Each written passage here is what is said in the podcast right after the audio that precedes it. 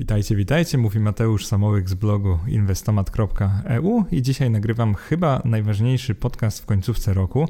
Nazywa się on Ranking spółek dywidendowych na 2022 rok, najpewniejsze i najwyższe dywidendy. Dotyczy on oczywiście polskich spółek dywidendowych, także tych, które są notowane na GPW i New Connect. Są to zarówno spółki polskie, jak i spółki zagraniczne, ponieważ skupimy się dzisiaj na dywidendach, a nie na tym skąd pochodzą, gdzie rezydują spółki.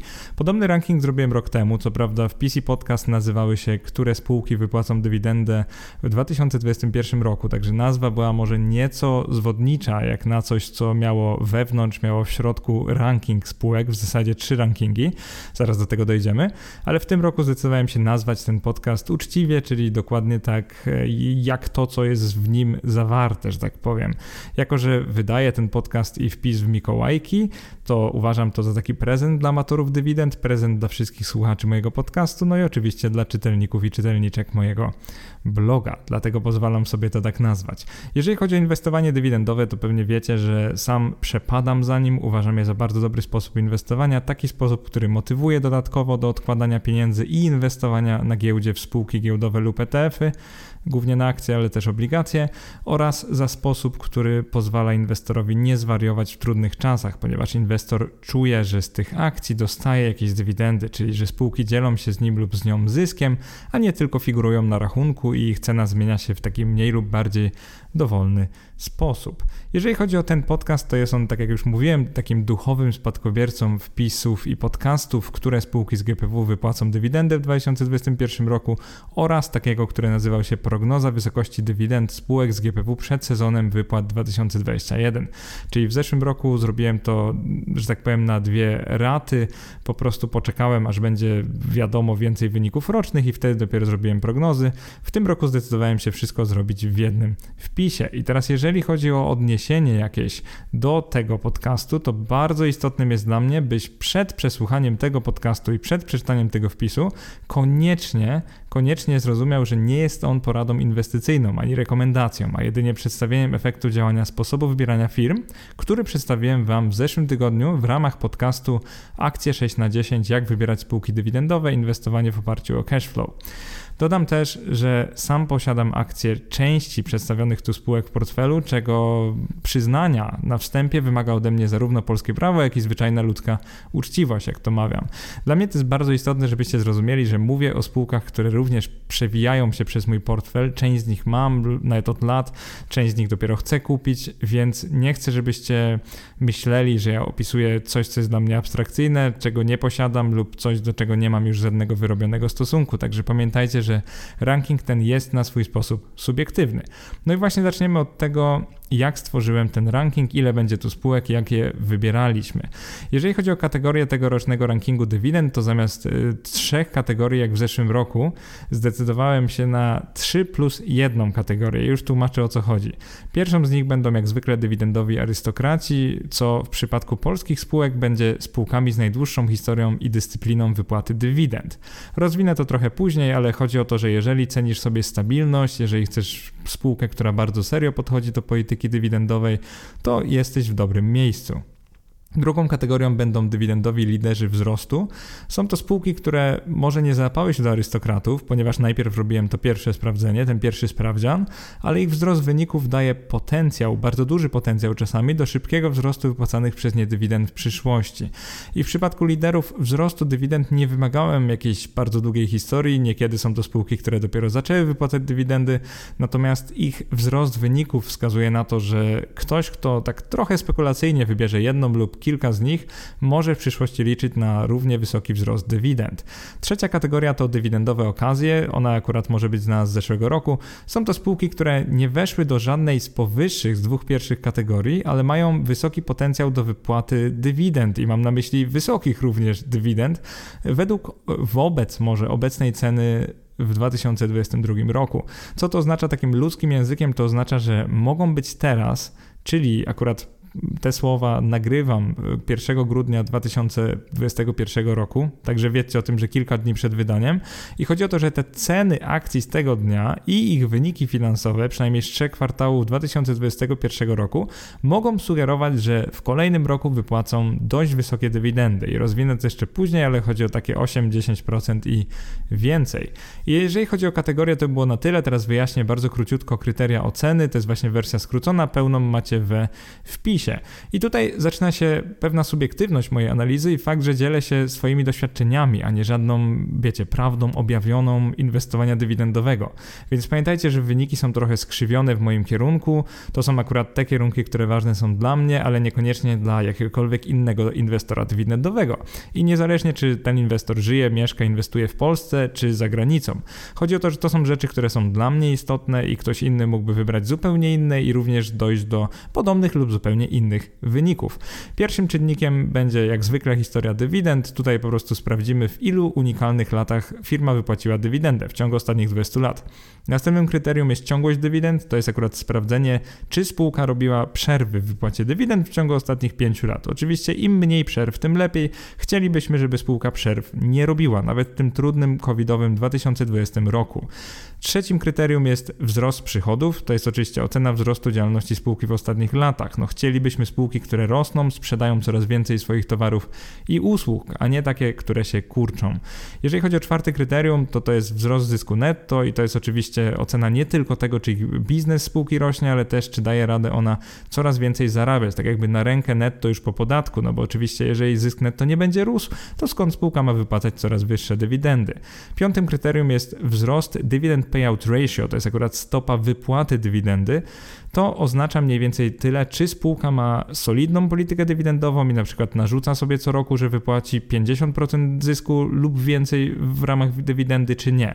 Oczywiście w idealnym świecie chcielibyśmy, żeby spółki wypłacały jak najwyższą dywidendę wobec zysku i oczywiście, żeby robiły to przewidywalnie, czyli w taki sposób, że ta polityka ewentualnie staje się lepsza, a nie gorsza w przyszłości. No i właśnie kryterium szóstym, tu trochę nawiązuje do piątego, jest stabilność DPR, czyli właśnie Dividend Payout Ratio, stopy wypłaty dywidendy. Jest to ocena niejako przewidywalności wysokości dywidendy spółki w przyszłości. Czyli chodzi o to, że jeżeli w przeszłości wypłacały na przykład koło, dajmy na to 70% zysku, to w przyszłości będą robić coś podobnego, czyli że odchylenie standardowe stopy wypłaty dywidendy nie będzie wysokie. I ostatnie dwa kryteria bardzo ważne to są kryteria cenowe, czyli mierzymy je stopą dywidendy. Najpierw sprawdzamy, czy wobec obecnej ceny ta dywidenda, którą spółka już wypłaciła lub ma wypłacić w roku 2021, czyli tą z zysku za rok 2020, czy ona jest wysoka wobec obecnej ceny akcji. Jeżeli tak, to oczywiście oczywiście będzie to wysoka ocena, jeżeli nie, to będzie niska. I analogicznie kryterium ósme, już ostatnie, polega na tym, że mierzymy stopę dywidendy, ale w roku 2022. Czyli dokonałem takiej drobnej prognozy tego, jak wysoka dywidenda może być w przyszłym roku. Przyrównuję to tak jakby do ceny akcji z dnia dzisiejszego i sprawdzam, czy będzie ona wysoka czy niska. Łącznie te wszystkie kryteria, jeżeli złożymy sobie punktację, dają 20 punktów. I od razu powiem, że 20 punktów nie otrzymała żadna spółka, no ale wcale mnie to nie dziwi, bo wśród spółek dywidendowych tak naprawdę nie ma takich, które by były dobre lub świetne we wszystkim, a zwłaszcza w Polsce. Być może w Ameryce byśmy takie znaleźli, ale w Polsce niestety takich jeszcze nie ma. Więc jak spółka dostanie punktów na te 20, około 13-14, to znaczy automatycznie, że załapała się do jakiegoś tam top 30, dajmy na to, tak żebyście od razu wiedzieli. Jeżeli chodzi o pewne założenia i zastrzeżenia do mojej analizy, to króciutko. W tym roku zaprezentuję w wynikach 45, a właściwie 60 spółek, bo jest jeszcze czwarta taka ukryta kategoria, o której na razie nie mówiłem, więc oczywiście nie dam rady rozpisać rozpisać się dokładnie o żadnej ze spółek, ponieważ jest ich za dużo. Dlatego nawet w tym podcaście tylko wspomnę o tym, jakie to są spółki, natomiast nie będę już konkretnie wchodził w szczegóły, bo ten podcast mógłby trwać parę godzin, a tego przecież nie chcemy.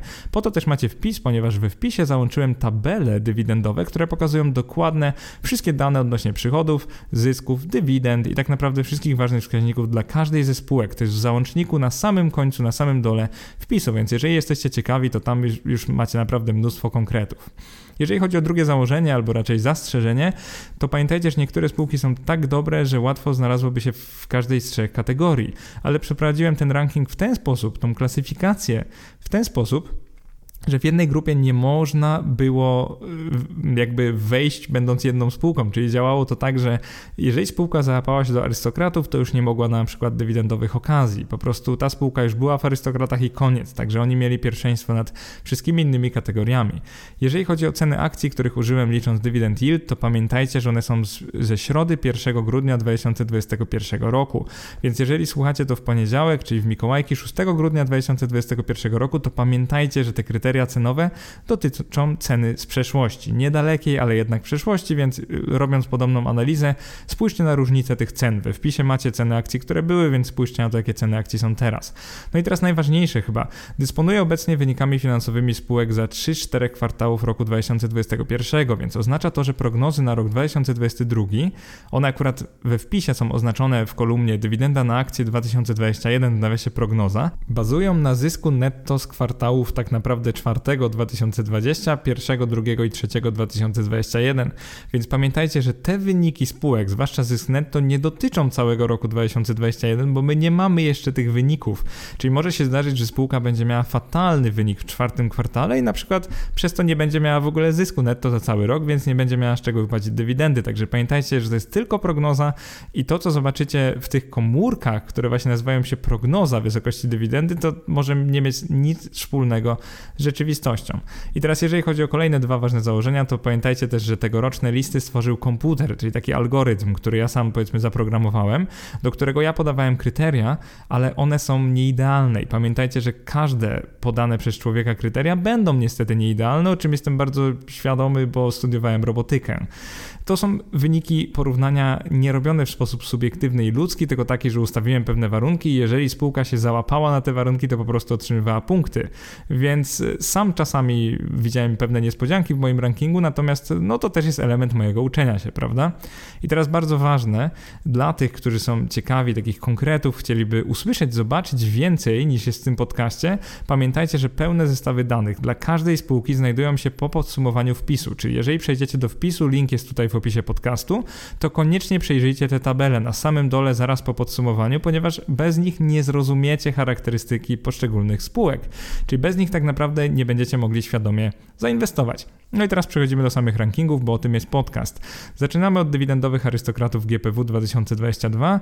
Wśród nich znalazły się firmy, których historia i ciągłość dywidend budzi respekt, taki prawdziwy szacunek i choć nie mogę im postawić wymagania wzrostu dywidend, takiego jak stawiać na przykład spółkom z amerykańskiego S&P 500, czyli tym prawdziwym American Dividend Aristocrats, to właśnie dywidend z nich można być w kolejnym roku najbardziej pewnym. Po prostu wypłacały je przez tyle lat, zazwyczaj bez przerwy, że tak naprawdę jeżeli chcecie mieć takiego pewniaka, że na pewno wypłaci dywidendę, już niekoniecznie, że będzie ona wysoka co do dzisiejszej ceny lub niekoniecznie, że będzie ona rosła, to myślę, że z tych spółek powinniście przede wszystkim wybierać. I teraz jak tworzyłem ten ranking? Tworzyłem go tak, że patrzyłem na ocenę sumaryczną, czyli ten wynik łączny ze wszystkich kryteriów, tak jak powiedziałem, z tych 8 kryteriów był bardzo ważny, natomiast przefiltrowałem je w taki sposób, żeby historia dywidend, ocena tu była 3 na 3 i to oznacza mniej więcej tyle, że w ciągu 20 lat spółki powinny wypłacić dywidendę przynajmniej przez, jeżeli dobrze pamiętam, 15 lat. Więc ta, tak to wygląda. I teraz, jeżeli chodzi o ciągłość dywidend, no to wymagałem tego, żeby nie było żadnej przerwy w ciągu 5 lat, czyli 5 ostatnich lat spółka wypłaca dywidendę w każdym roku. Jeżeli chodzi o sam ranking, to pierwsze miejsce zajęła tu Ambra, której chociaż nie było w roku ubiegłym, to przyznaję, że Ambra kompletnie zdeklasowała rywali, zyskała łącznie 16 na 20 punktów i tak naprawdę Ambra nie kuleje w żadnej z kategorii. Jeżeli chodzi o słabości Ambry, no to tak na pierwszy rzut oka w tabeli widać, że mogłaby mieć wyższą stopę dywidendy wobec obecnej ceny, także cena może nie jest tak atrakcyjna jak niektórych innych spółek. No jeżeli chodzi o wzrost tego dividend payout ratio, czyli polityki dywidendowej, to Ambra mogła być trochę lepsza. Na drugim miejscu, co nikogo pewnie nie zdziwi, uplasowały się Kenty.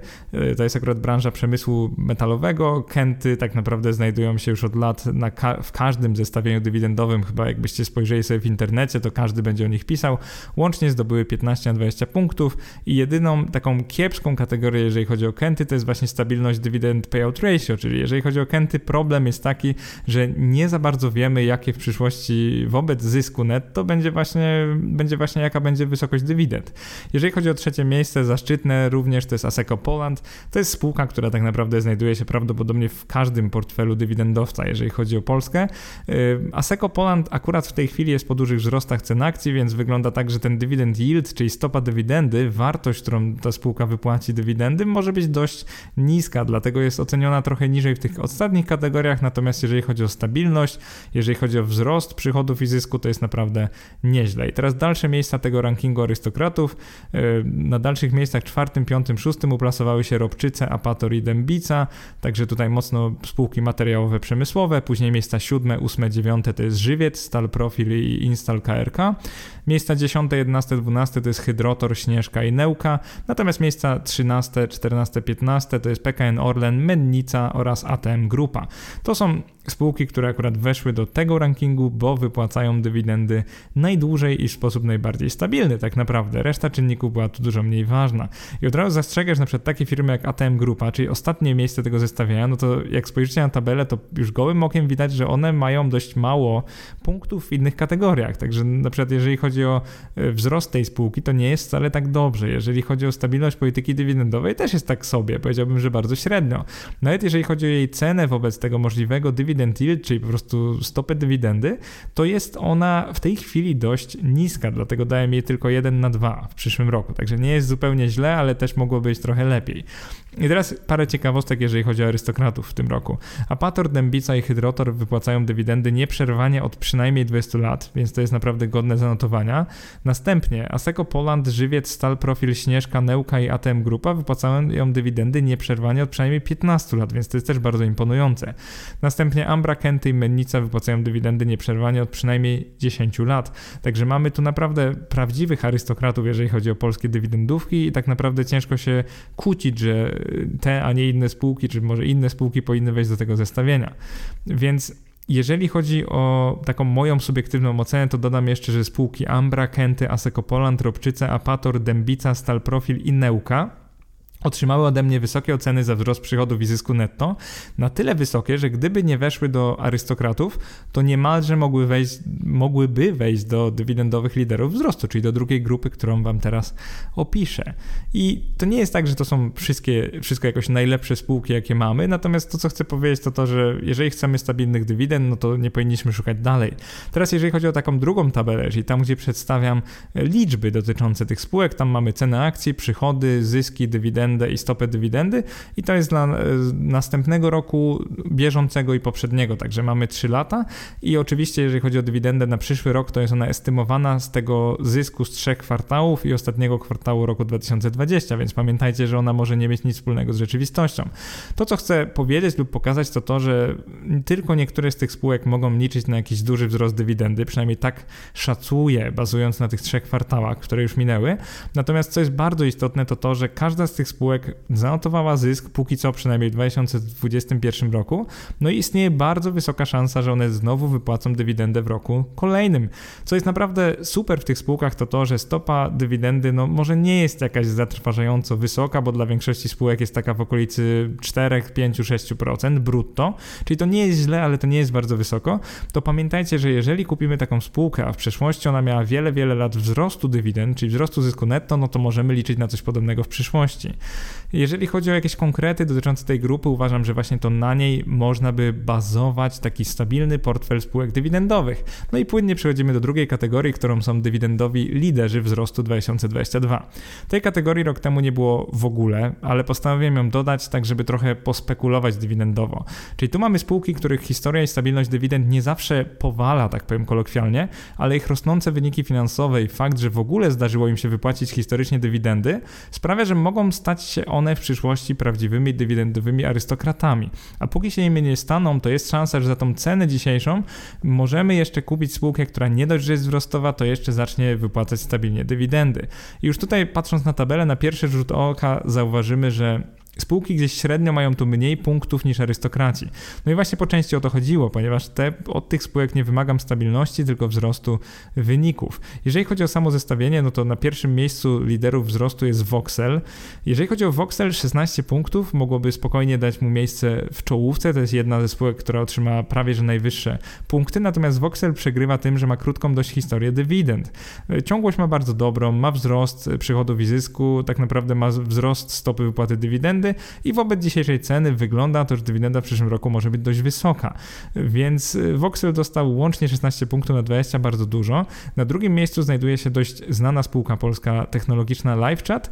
Jeżeli chodzi o LiveChat, no to też widać na pierwszy rzut oka, że wzrost tutaj jest. Jeżeli chodzi o historię, nie bardzo ona tu występuje. Jeżeli chodzi o stopę dywidendy, wobec obecnej ceny mogłoby być lepiej, więc e, tacy amatorzy wysokich dywidend mogą tu na razie przynajmniej nic nie znaleźć. Natomiast ja nie mam wątpliwości, że patrząc na wzrost tej spółki, można gdzieś w przyszłości spekulować, że te dywidendy staną się wysokie, ale wobec dzisiejszego kursu, a nie tego, który będzie w przyszłości. Na trzecim miejscu jest deweloper Atal. Tutaj także mamy bardzo dobrą sytuację, 14 na 20 punktów.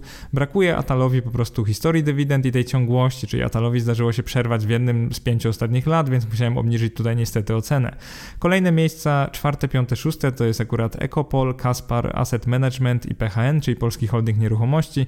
Te spółki mają już 13, a PHN ma 12 punktów na 20.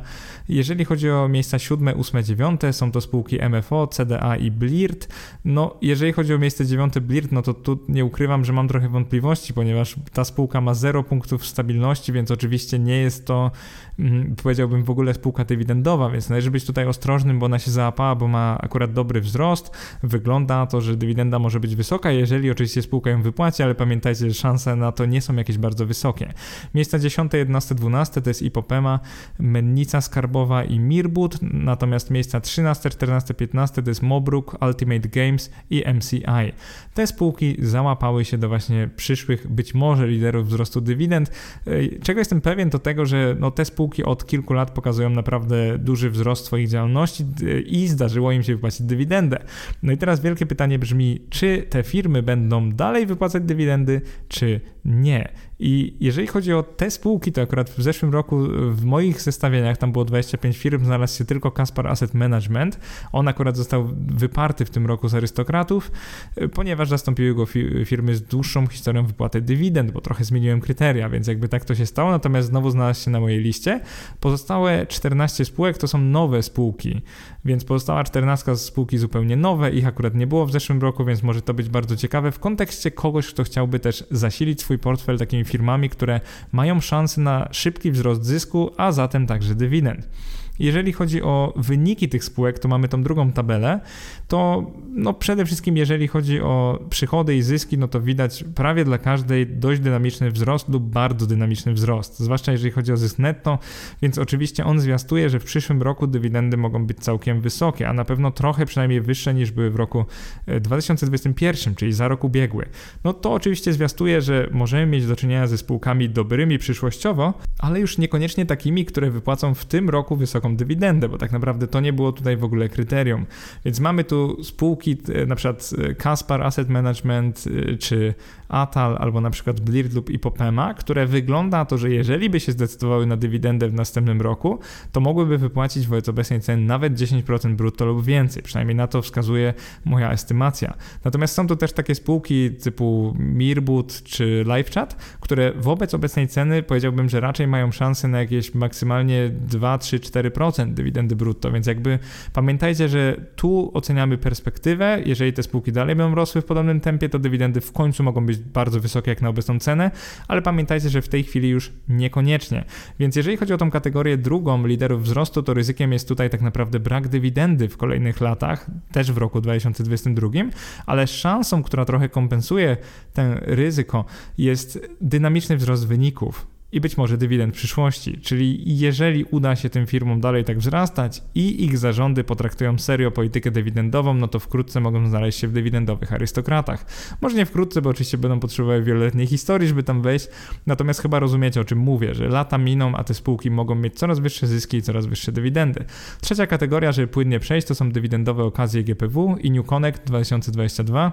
To jest ulubieniec publiczności, ponieważ wielu nowicjuszy, zwłaszcza giełdowych, chce przede wszystkim wysokich obecnych dywidend. A tutaj tak naprawdę nie oczekiwałem od firm ani historii wypłat, ani szczególnego wzrostu wyników. Interesowało mnie tak naprawdę tylko jedno, czyli stosunek obecnej ceny akcji, czyli tej z 1 grudnia 2021, do wysokości dywidendy, którą spółka zarówno wypłaciła w 2021 roku, oraz tej niedokładnej prognozy, takiej trochę, no wiecie, bardzo przybliżonej, którą wykonałem dla roku 2022.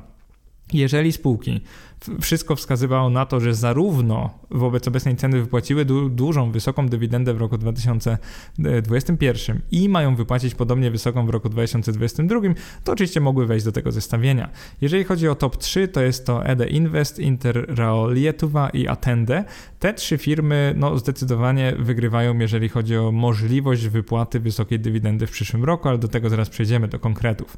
Kolejne miejsca, czyli czwarte, piąte i szóste, to jest Decora, Dom Development i Torpol.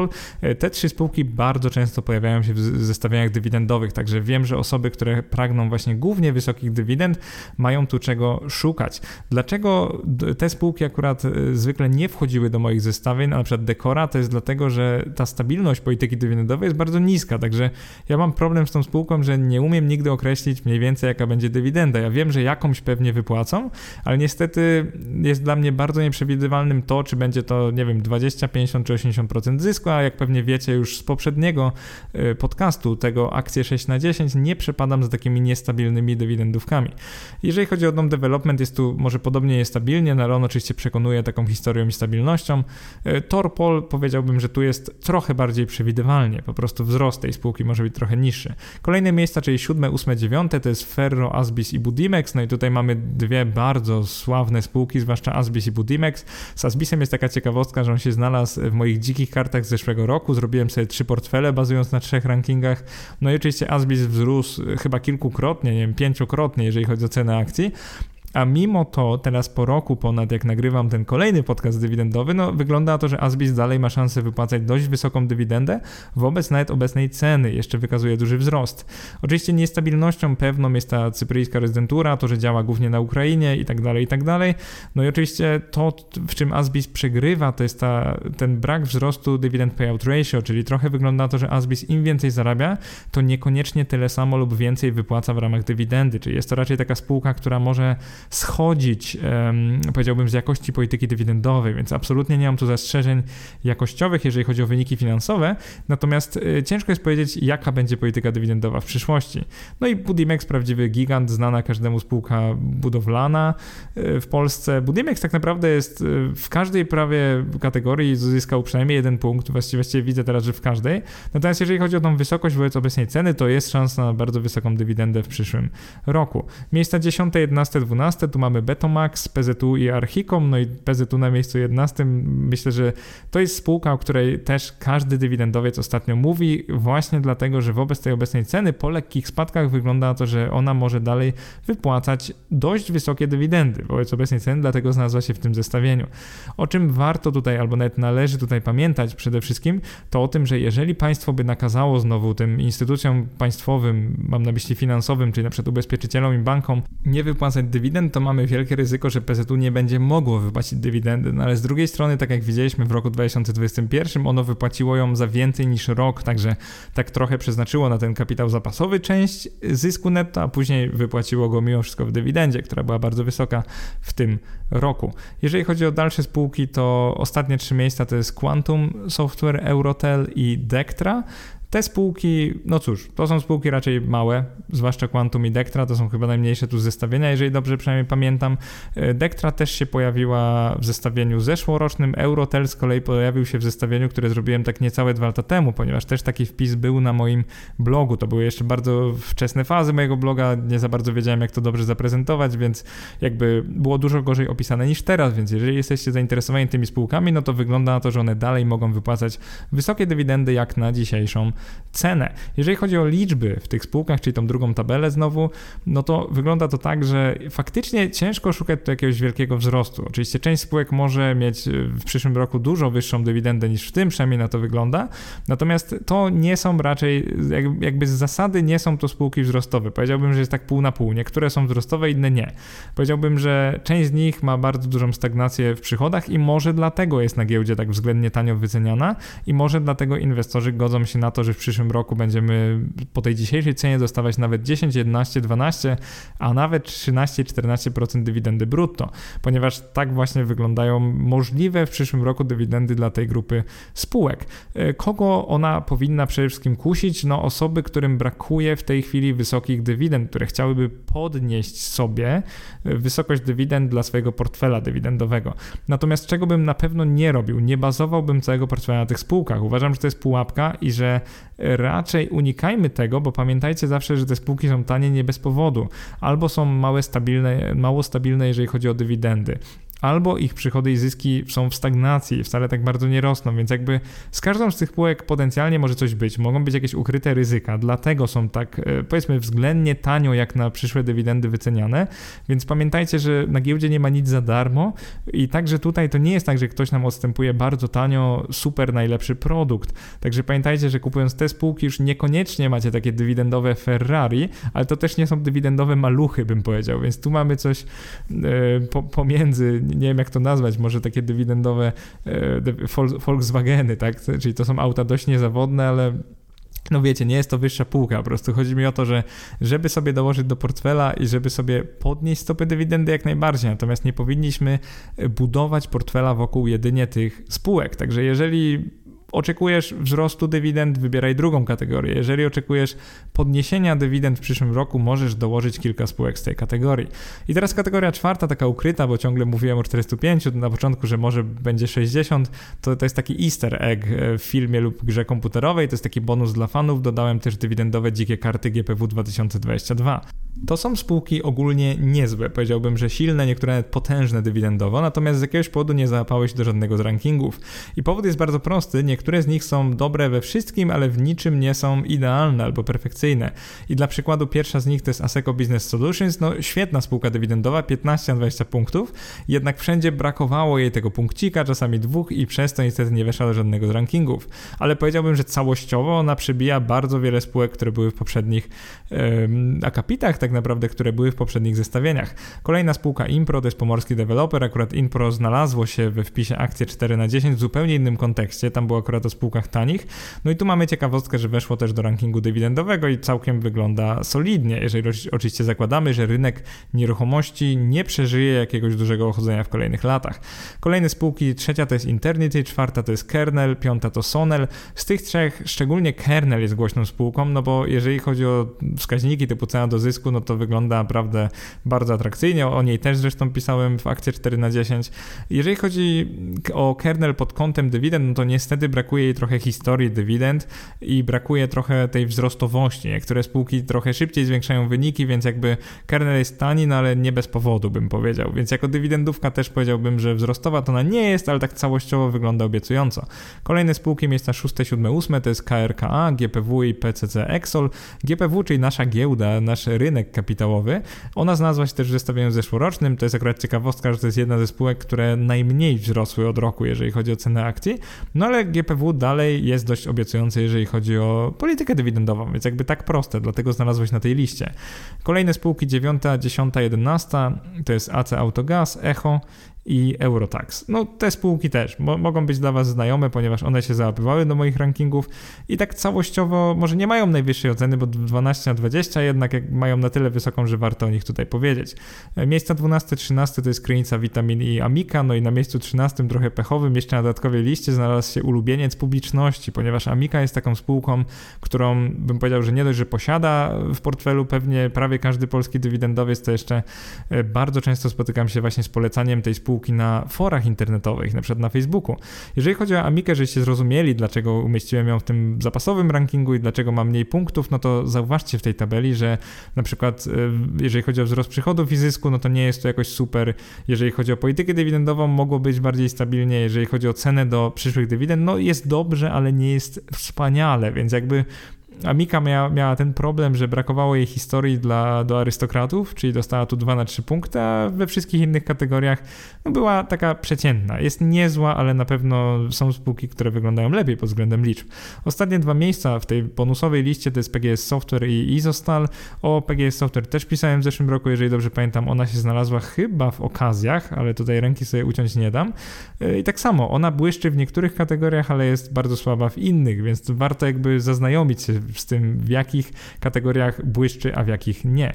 Jeżeli chodzi o liczby, no to tutaj podobnie do poprzednich mamy takie spółki powiedziałbym, które wyróżniają się. Niektóre się wyróżniają tym, że zysk bardzo dynamicznie wzrósł, akurat w tym jednym konkretnym roku. No i oczywiście to oznacza, że dywidenda może być o wiele wyższa w roku kolejnym. Inne jako ciekawostkę mamy takie, w których zysk nawet spadł w tym roku, więc jakby ciężko powiedzieć, jaka będzie dywidenda. I na przykład do tych wzrostowców należy taki PGS Software i jakby nie bez powodu wzrosła też cena akcji, bo jakby widać, jak spojrzycie sobie na wzrost zysku do ceny akcji, no to widać prawie jeden do jednego, dlaczego ta spółka podniosła swoją cenę na giełdzie.